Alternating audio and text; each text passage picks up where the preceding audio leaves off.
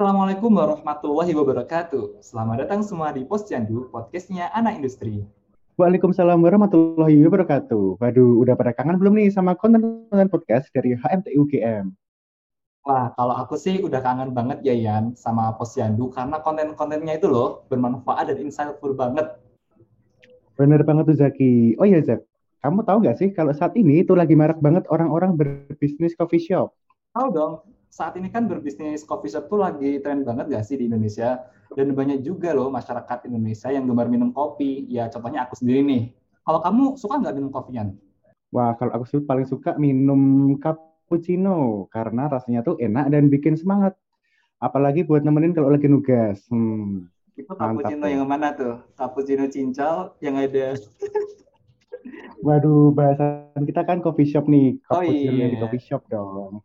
By the way, Yan, kenapa sih kita malah jadi bahas kopi? Aduh, gimana sih Zak? Kan posyandu kali ini kita bakal membahas sesuatu yang keren banget yang berkaitan sama kopi. Wih, apa tuh? Sesuatu yang keren dan kaitannya sama kopi.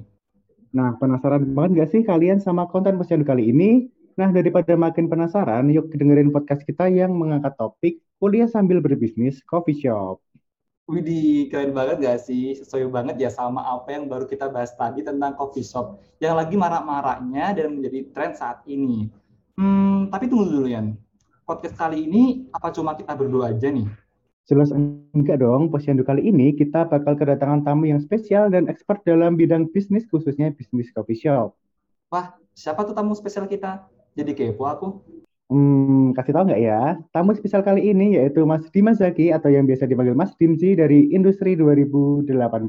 Halo Mas Dimzi. Halo, Mas. Halo teman-teman semua. Ya, kabarnya Baik. pada baik ya hari ini. Alhamdulillah, baik. Alhamdulillah. Tentunya juga teman-teman yang sedang mendengarkan podcastnya juga baik ya di sana. Kalau Mas Dim sendiri gimana, Mas?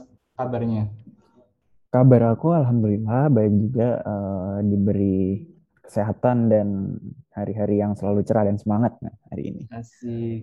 Cerah ya. Posisinya kalau ngomong-ngomong tentang cerah nih di mana, Mas? Kalau di tempatku ini agak mendung nih.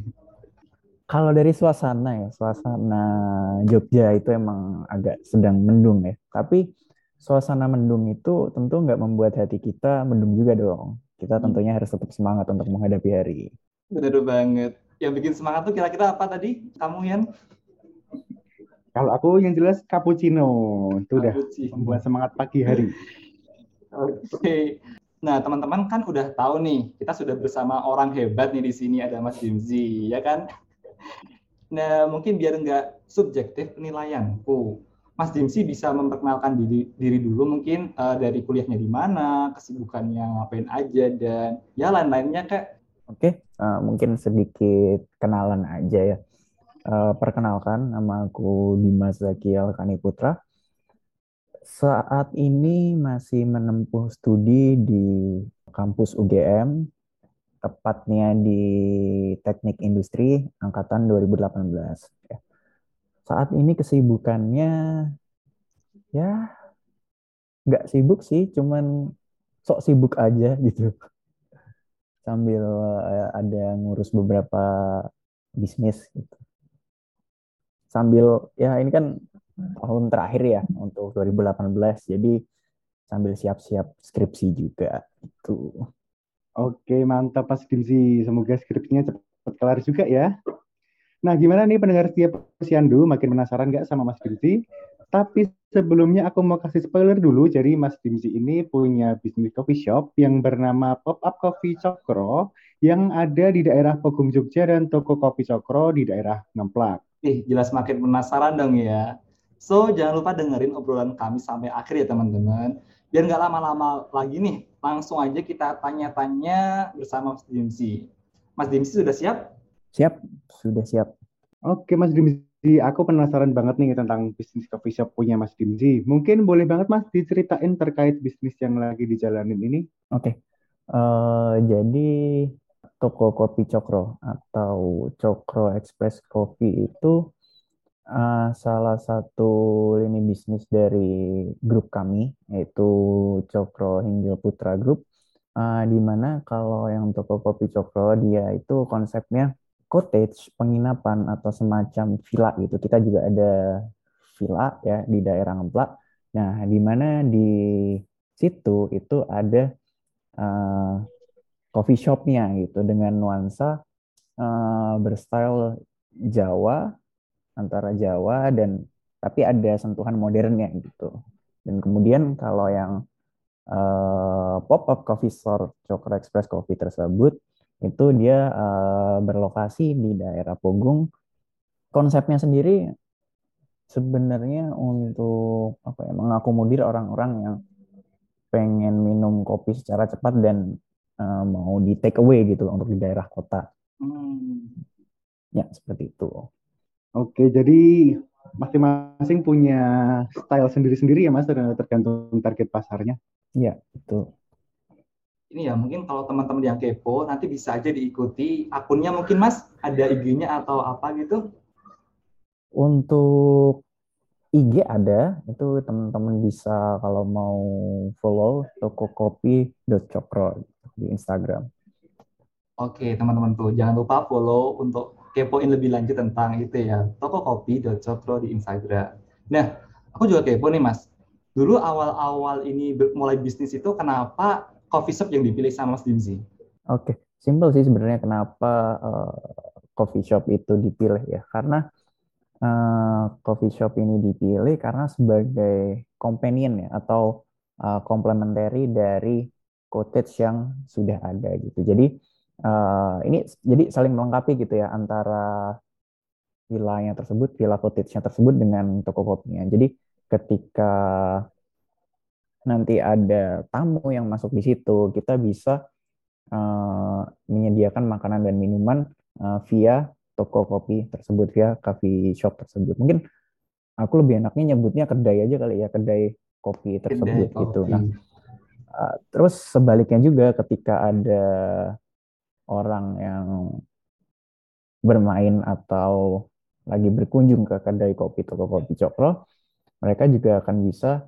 uh, tahu kalau oh ternyata di sini ada penginapan villanya juga loh. Ini juga asik ketika untuk digunakan uh, entah itu liburan bersama keluarga atau juga uh, makrab bersama teman-teman yang lain atau hanya sekedar staycation gitu.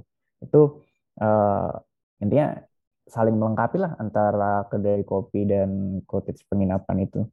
Hmm, menarik nih. Berarti emang sudah ada ini ya, sudah ada bisnis villa dulu ya sebelumnya ya, Mas?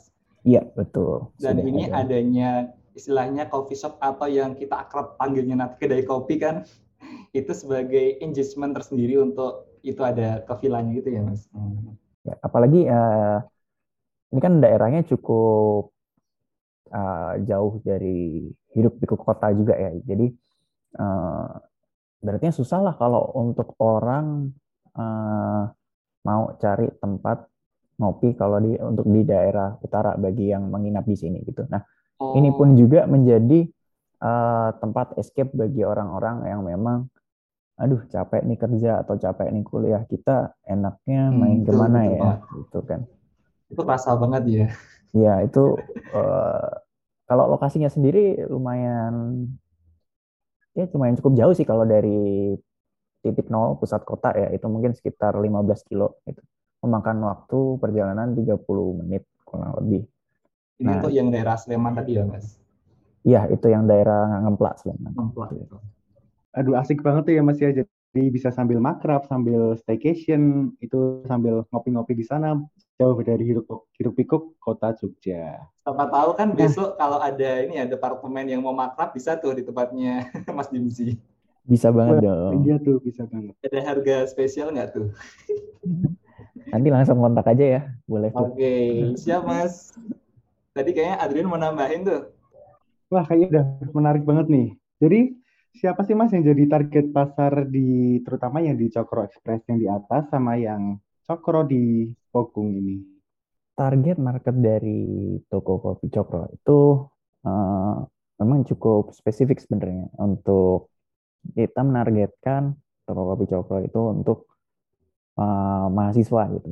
Tapi juga uh, tidak memungkiri ketika uh, mahasiswa itu uh, digantikan oleh uh, customer dari penginapan cottage tersebut gitu. Jadi uh, memang target utamanya ya mahasiswa, tapi juga bisa dilengkapi oleh apa tamu penginapan di cottage itu. Gitu. Kalau yang di Cokro Express sendiri itu uh, target marketnya untuk orang-orang yang ya dia nggak mau nongkrong lama-lama, jadi hanya mau singgah sebentar untuk uh, mungkin kalau biasanya tuh daily cafe needs ya untuk memenuhi itu. Jadi orang-orang hanya singgah sebentar lah ke Cokro Express Coffee hanya untuk memenuhi ya kebutuhan kafeinnya dan setelah itu pergi melanjutkan aktivitas seperti biasa. Wah, menarik banget nih dengan target pasar mahasiswa, berarti yang pastinya harga yang ditawarkan terjangkau nih sesuai kantong mahasiswa ya Mas ya?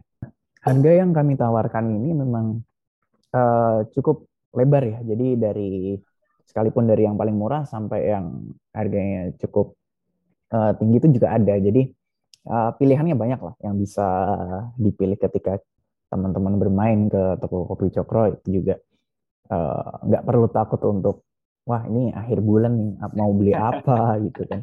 Iya, Jadi ya jangan khawatir lah. Berarti ini ya bisa merangkul sejarah segala level ini ya sosial gitu di sana. Ya, betul bisa merangkul segala level sosial. Kalau ini Mas dalam menjalankan bisnis Cokro Express ini ya tentunya kan Mas Dimsi nggak sendiri apalagi ada dua nih tempatnya. Nah itu tuh siapa aja sih Mas yang terlibat itu di situ? Oke jadi siapa aja yang terlibat? Nah, sebenarnya ini tuh bisnis keluarga ya. Jadi uh, aku juga diamanahi untuk mengurus itu secara pribadi internal.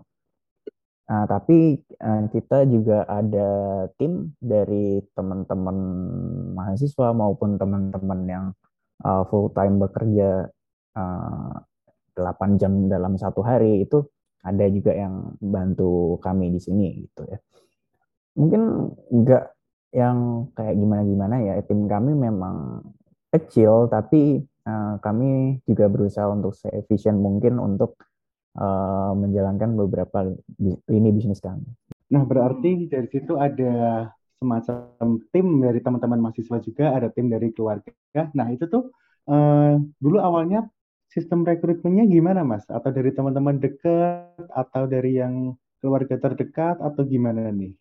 Oh, untuk sistem rekrutmen sendiri ya ada ada beberapa macam sih yang memang yang bisa dipertimbangkan gitu ya. Uh, beberapa kali kami ngambilnya ya uh, rekrutmen biasa kami, maksudnya secara terbuka gitu loh. Siapa pun bisa daftar kalau memang sesuai dengan kualifikasi ya monggo gitu bisa masuk gitu. Tapi juga ada beberapa memang posisi yang uh, diambil dari teman-teman terdekat gitu yang memang sudah uh, kami percaya di sana. Jadi emang harus beberapa tuh bidang posisi itu yang mempunyai uh, skill khusus gitu ya, apalagi barista gitu kan nggak semua teman dekat itu bisa kan ya? Iya betul sih. Mungkin uh, lebih apa ya? Kalau masalah skill sih aku nggak begitu masalah karena uh, skill itu kan bisa dilatih. Yang terpenting itu adalah uh, yang pertama attitude-nya jadi ketika orang itu memang dia berattitude baik, itu jauh lebih baik daripada orang yang bis, yang memiliki skill lebih tinggi tapi tidak memiliki attitude. Nah, oh iya, itu, itu penting banget itu ya. Penting banget itu Mas. Untuk service itu kan apalagi attitude itu nggak hanya kepada ini ya, nggak hanya kepada customer juga tapi kepada teman satu ini satu pekerja atau bahkan pada owner itu attitude sangat penting. Iya, karena di mana itu bisa jaga trust kami juga terhadap teman-teman hmm. yang ada di tim. Wah, menarik menarik tuh. Uh, jadi kan tadi ada rekrutmennya tuh istilahnya bisa terbuka, ada yang dari teman-teman. Nah itu tuh uh, dari situ tercipta banyak rintangan nggak sih mas yang dihadapi Mas Dimzi? Gimana sih cara uh, mengatur orang-orang itu atau mungkin mengatur masalah internal dan eksternal coffee shopnya? Oke, baik. Uh, rintangan tuh pasti ada ya uh, yang datang. Di mana uh, mungkin awal-awal aja waktu rekrutmen gitu ya.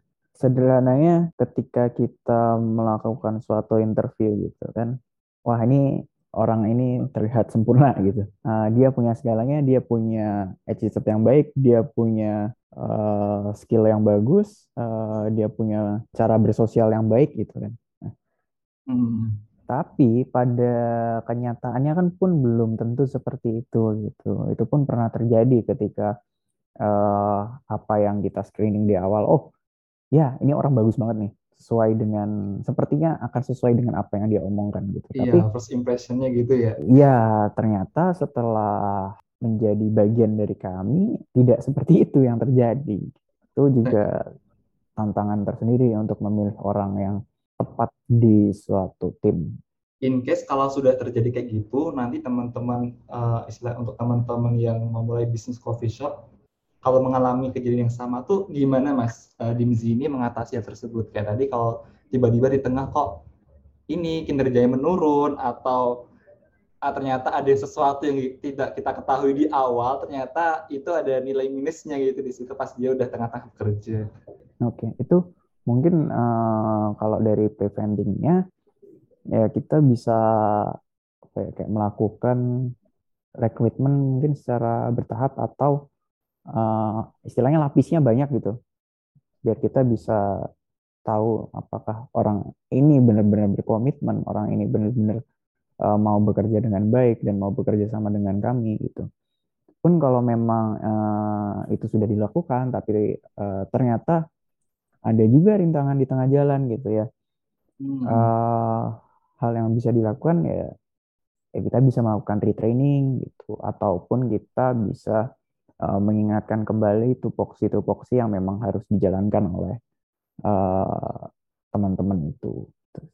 Iya. Kalau memang udah nggak bisa, ya ya udah putus kontrak. iya ya, kalau terkadang tuh yang paling susah itu biasanya nggak sih mas identifying kira-kira problemnya dia tuh apa apa bisa jadi bisa jadi dari internalnya dia sendiri ataupun eksternalnya gitu kan dari kitanya atau dari mana kira-kira dia membuat dia seperti ini gitu. Iya betul sekali. Gimana memang butuh komunikasi yang baik gitu nah, antara nah, itu kayaknya kuncinya di komunikasi ya mas teman-teman tim gitu cuman kan juga uh, nggak semua orang bisa bukan bisa berkomunikasi bukan gitu tapi cara orang berkomunikasi itu kan masing-masing ya ada yang hmm. dia langsung ngomong belak-belakan ada yang memang harus ngomong uh, berdua di secara hati dari hati ke hati maupun uh, memang dia lebih lebih suka untuk menyimpan untuk dirinya sendiri gitu. Jadi macam-macam lah gitu. Orang itu macam-macam jenisnya, bagi karakternya juga. Jadi uh, as manajemen kita harus bisa uh, memahami karakter orang-orang masing-masing. Oh, Oke. Okay.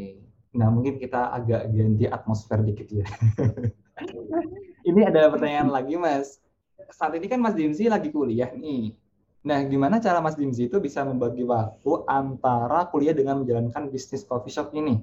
Untuk bagi waktu sendiri, ada sih time schedule-nya gimana, kapan kita harus, kapan kami harus mengejar, eh, mengerjakan skripsi, kapan kami harus uh, bekerja gitu. Jadi uh, kami pun punya jadwal-jadwal uh, tersendiri yang memang dialokasikan buat bekerja gitu. Jadi as a businessman gitu kan kadang kita kapan sih jam kerjanya kayak bebas banget gitu loh tapi uh, ketika kita menentukan jam kerja atau kita berkomitmen untuk bekerja dari jam segini sampai jam segini itu juga akan melatih uh, kedisiplinan kita terhadap waktu itu sendiri dan mungkin akan lebih terukur jauh lebih terukur kinerjanya daripada kita uh, bekerja nggak ada waktu yang pasti Nah, itu akan lebih sulit juga untuk nge-track dan mengukurnya.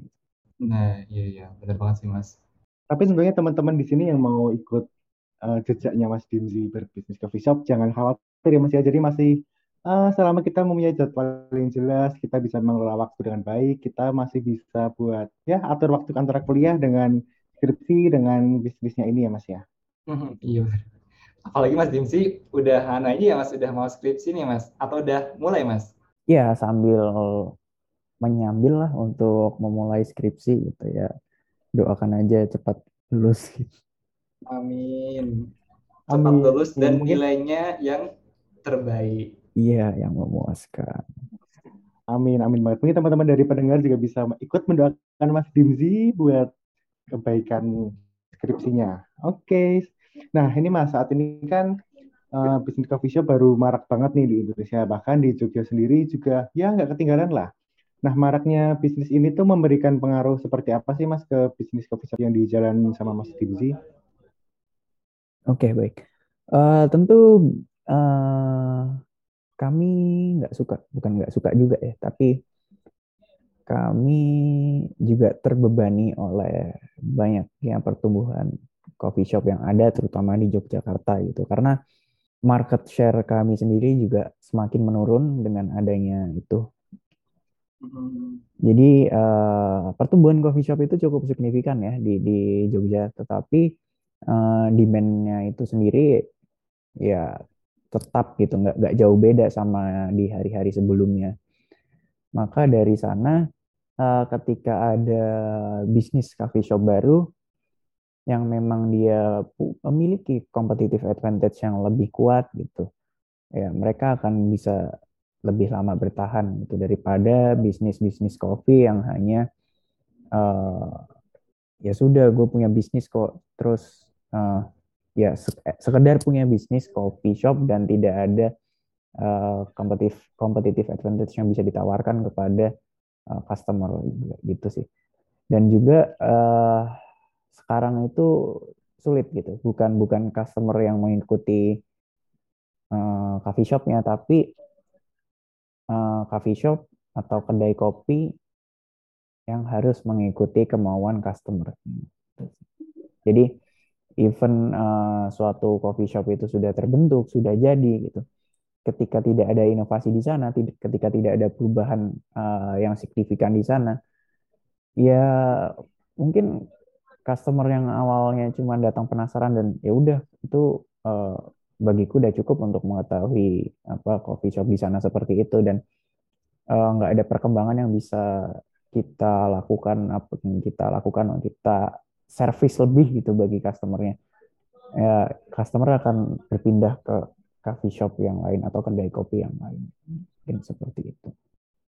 Nah ini menarik banget nih. Jadi kita harus sebagai uh, bisnis apa pemilik bisnis kedai kopi ini harus selalu mengikuti need customernya gitu ya mas ya. Nah mungkin ada uh, tips-tips yang bisa digunakan mas untuk gimana sih kita mendapatkan uh, dari masukan-masukan customer atau gimana sih kita bisa me, apa ya mendapatkan apa sih keinginan customer itu gitu.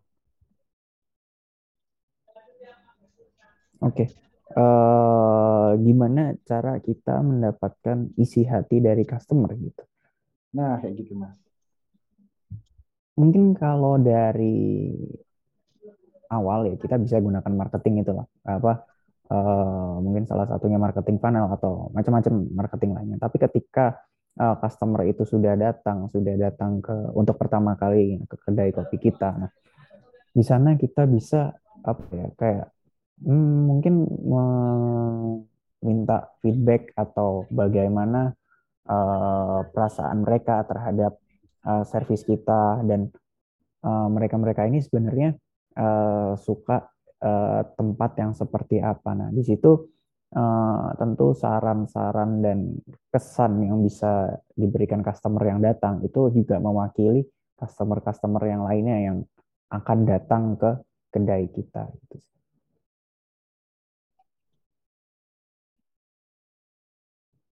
Oke nih, mungkin nih ada tips dari Mas Kim sini teman-teman yang bisa dengerin. Nah, ini tuh selain uh, apa yang telah disebutkan tadi, ada strategi marketing gimana sih Mas yang diterapkan sama Mas Kimzi selama ini? Waduh, strategi marketing apa? Uh, jujur aku juga bukan expert ya di sana. Uh, strategi marketing yang terbaik itu sebenarnya adalah tadi kita harus mengambil hati customer. Karena pada akhirnya uh, marketing yang baik adalah marketing dari customer loyalty. Jadi mereka yang sudah loyal sekali sama uh, apa ya, produk bisnis kita gitu, mereka akan melakukan marketing secara mandiri gitu. Atau uh, nama lainnya uh, advokasi dari customer tersebut atau uh, mungkin bahasa awamnya dari mulut ke mulut lah itu. Nah, itu menurutku menjadi sesuatu yang sangat krusial lah di, di uh, bisnis baik bisnis apa pun itu ketika customer sudah loyal kita sudah bisa dapatkan hatinya dia akan sulit untuk berpindah gitu.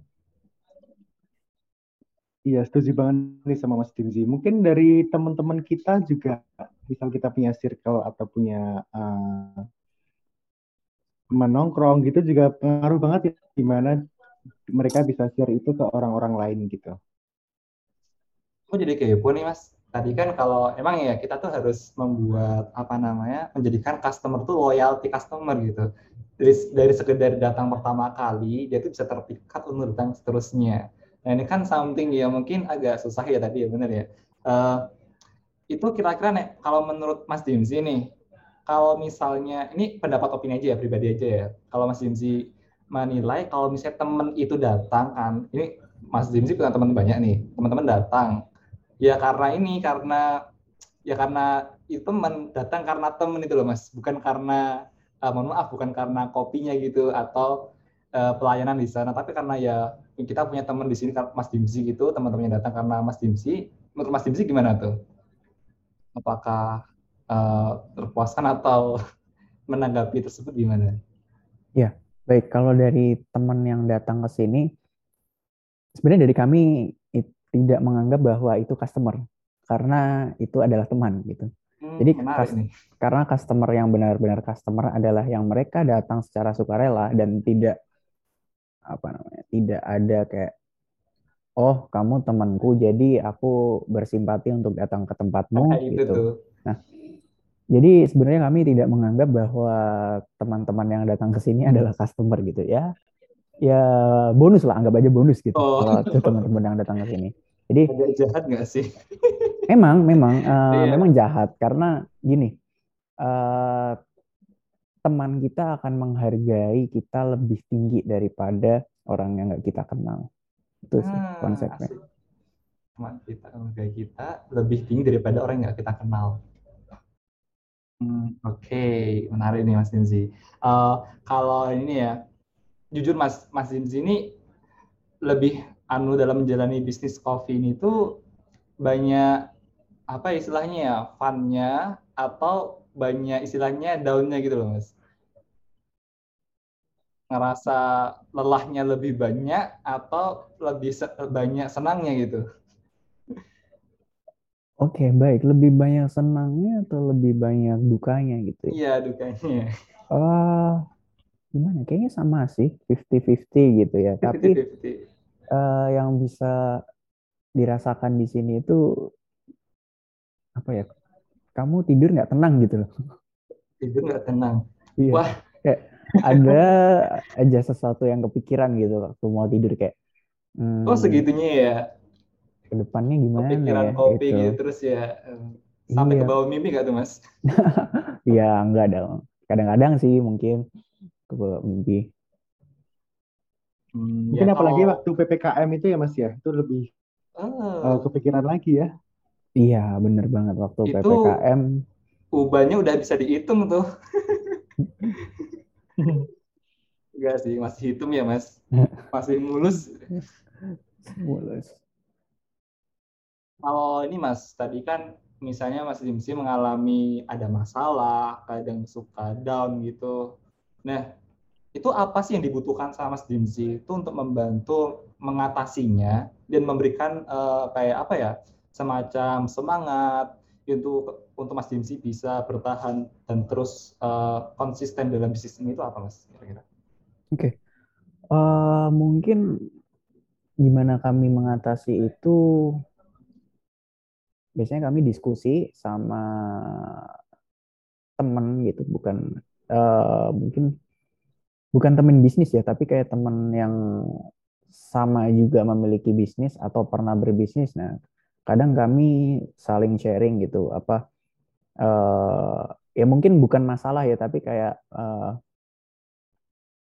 ibaratnya gimana sih kita harus kuat dalam menjalani ini? Karena uh, masalah yang dimiliki itu gimana ya cukup penting bukan cukup penting maksudnya hmm. itu masalah pribadi dari kami gitu Jadi eh, nggak boleh bocor ke eh, apa ya? Bukan kompetitor sih ya, ya kawan baik lah. Maksudnya kawan baik yang punya bisnis juga. Intinya kita sharing tapi eh, hal yang pribadi nggak kita sharing gitu karena kan juga menyangkut eh, bisnis kami juga. bisnis itu itu sendiri. Heeh. Mm-mm. Ya, ada beberapa aneh ya. Istilahnya kalau kalau sharing pun ada kayak constraint gitu kira-kira mana batasan yang dapat kita sharekan ke teman-teman, kita minta pendapat adapun yang itu ya kita selesaikan secara personal gitu ya. Iya betul. Apalagi eh, ketika kita mendapatkan teman, bukan teman bisnis, eh, apa ya istilahnya? Mungkin bisa dibilang Partner ya? mentor lah, Oh, mentor, mentor. Mentor. Eh, mentor, eh, not in the real mentor gitu, tapi Hmm, cuman teman ngobrol aja, tapi dia punya bisnis juga. Itu lebih, menurutku lebih, apa ya, lebih asik, lebih, ya dia lebih awal berbisnis gitu. Jadi setidaknya pengalaman yang dia punya itu lebih banyak. Jadi eh, cukuplah untuk menenangkan hati dari sana. Lebih percaya aja. Jadi ini ya penting juga ya Mas dalam berbisnis itu kita tuh membangun relasi bahkan sama kayak eh, relasi sama kompeti kompetitor itu juga penting gak sih Mas? Betul, betul. Penting juga sebenarnya apa untuk apa ya? eh, kita nggak saling memakan gitu. Tapi ya sulit juga sih. Istilahnya nanti berarti eh, rival berarti ya Mas. Eh, ya bisa dibilang rival juga. Tapi eh, kompetisi ini bukan dijadikan untuk saling menjatuhkan, tapi Hmm, untuk saling bangun gitu dari masing-masing. Nah, gitu nih teman-teman pendengar semuanya. Eh, udah tadi udah dijawab sama Mas Jin sini saran untuk mengatasi permasalahan gimana sih biar tetap semangat, biar tetap bertahan gitu nih.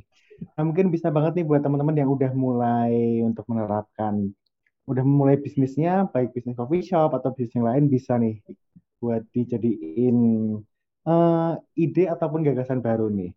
Nah, tapi untuk ini Mas, untuk teman-teman yang baru mau memulai bisnis khususnya kedai kopi ini, mungkin ada saran atau ya tips sendiri dari Mas Dimzi, Mas, bagi teman-teman yang baru memulai bisnis ini. Waduh, saran ya apa ya? Kayak ya kita sama-sama belajar sih.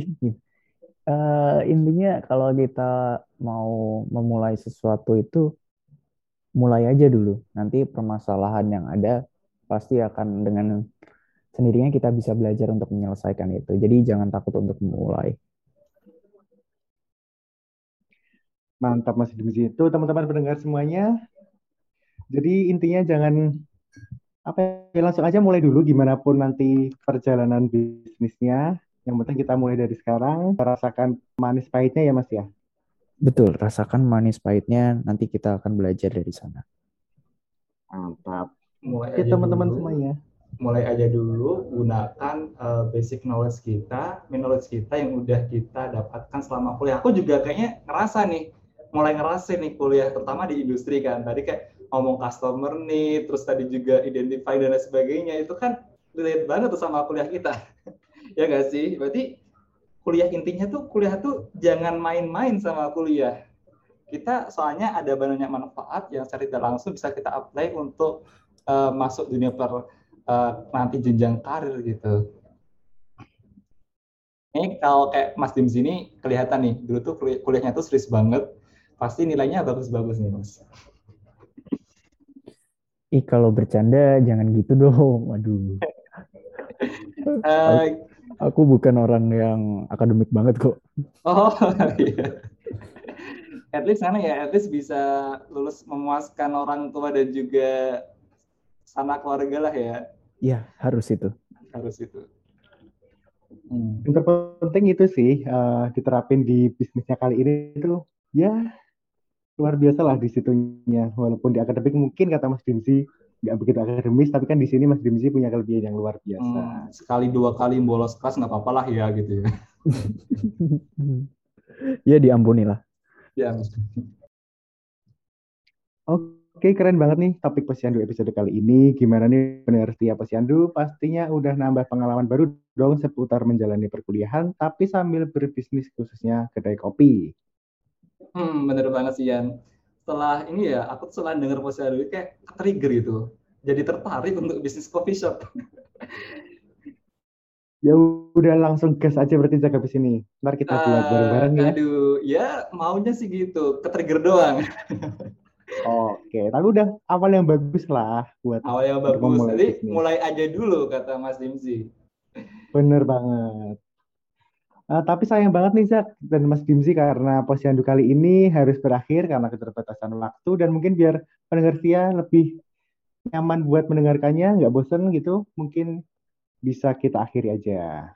Hmm, sebelum itu mungkin ini ya Mas Dimsi bisa memberikan sedikit ini ya menambahkan closing statement untuk teman-teman yang sudah mendengarkan posyandu dari awal sampai akhir ini.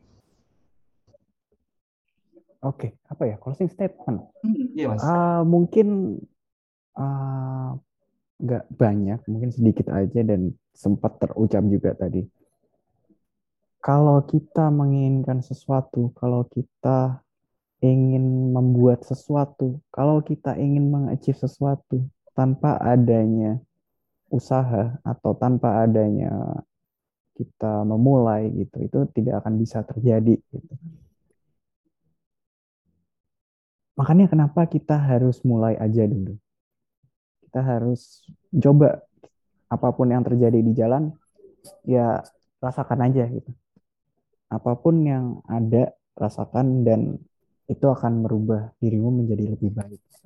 Masalah yang ada akan merubah dirimu menjadi lebih baik dan lebih kuat untuk menjalani uh, apa pun itu yang kamu mau gitu. Itu bisa diterapkan di mana aja di bisnis atau di uh, kuliah atau di mana pun. Jadi mulai aja dulu Oke, makasih Mas untuk closing statement yang sangat bisa ini ya membangkitkan semangat baik di akademik maupun nanti berkarir gitu.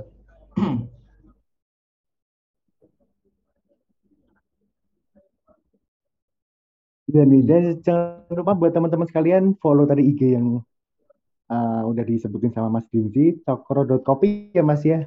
Iya, cokro.kopi. Boleh di follow okay. teman-teman. Terima kasih banget buat Mas Dimzi yang udah meluangkan waktunya untuk menjadi narasumber pada Posyandu episode kali ini. Semoga bisnis coffee shop dan kegiatan perkuliahan yang sedang dijalani sama Mas Dimzi ini ya sukses selalu dan terima kasih banyak Mas telah memberikan inspirasi nih buat teman-teman yang ingin memulai bisnis seperti coffee shop tentunya. Amin, amin. Kami dari kami juga terima kasih banyak gitu sudah teman-teman dari uh, Posyandu sudah mengundang kami untuk uh, berbagi atau sharing pengalaman gitu, terkait sama coffee shop. Hmm, asik kok mas, kita juga suka gitu kalau misalnya berbagi dapat insight dari apalagi kakak tingkat sendiri gitu. Kayak selain apa namanya, selain mendapatkan insight itu juga bisa membangun relasi. Siapa tahu kan nih Adrian habis ini mau bikin kopi, nah kan nyari mentor. Nah, iya. Ada Mas Dim sini. Oke, terima kasih Mas Dimsi. Mungkin kita cukupkan sekian dari Posyandu episode kali ini ya, Zat. Hmm, Oke deh, tapi jangan khawatir ya, karena Posyandu akan terus menampilkan konten-konten lainnya yang pastinya menarik dan bermanfaat di Posyandu episode-episode berikutnya. Pastinya dong dengan host dan narasumber yang berbeda tentunya ya. Dan terus jangan lupa follow Posyandu di Spotify dan Instagram HMTUGM di @hmtiugm biar nggak ketinggalan info-info menarik lainnya dan mungkin sekian dulu dari kami. Sampai jumpa kembali di episode posyandu lainnya. Bye-bye. Bye. Terima kasih semua. Wassalamualaikum warahmatullahi wabarakatuh.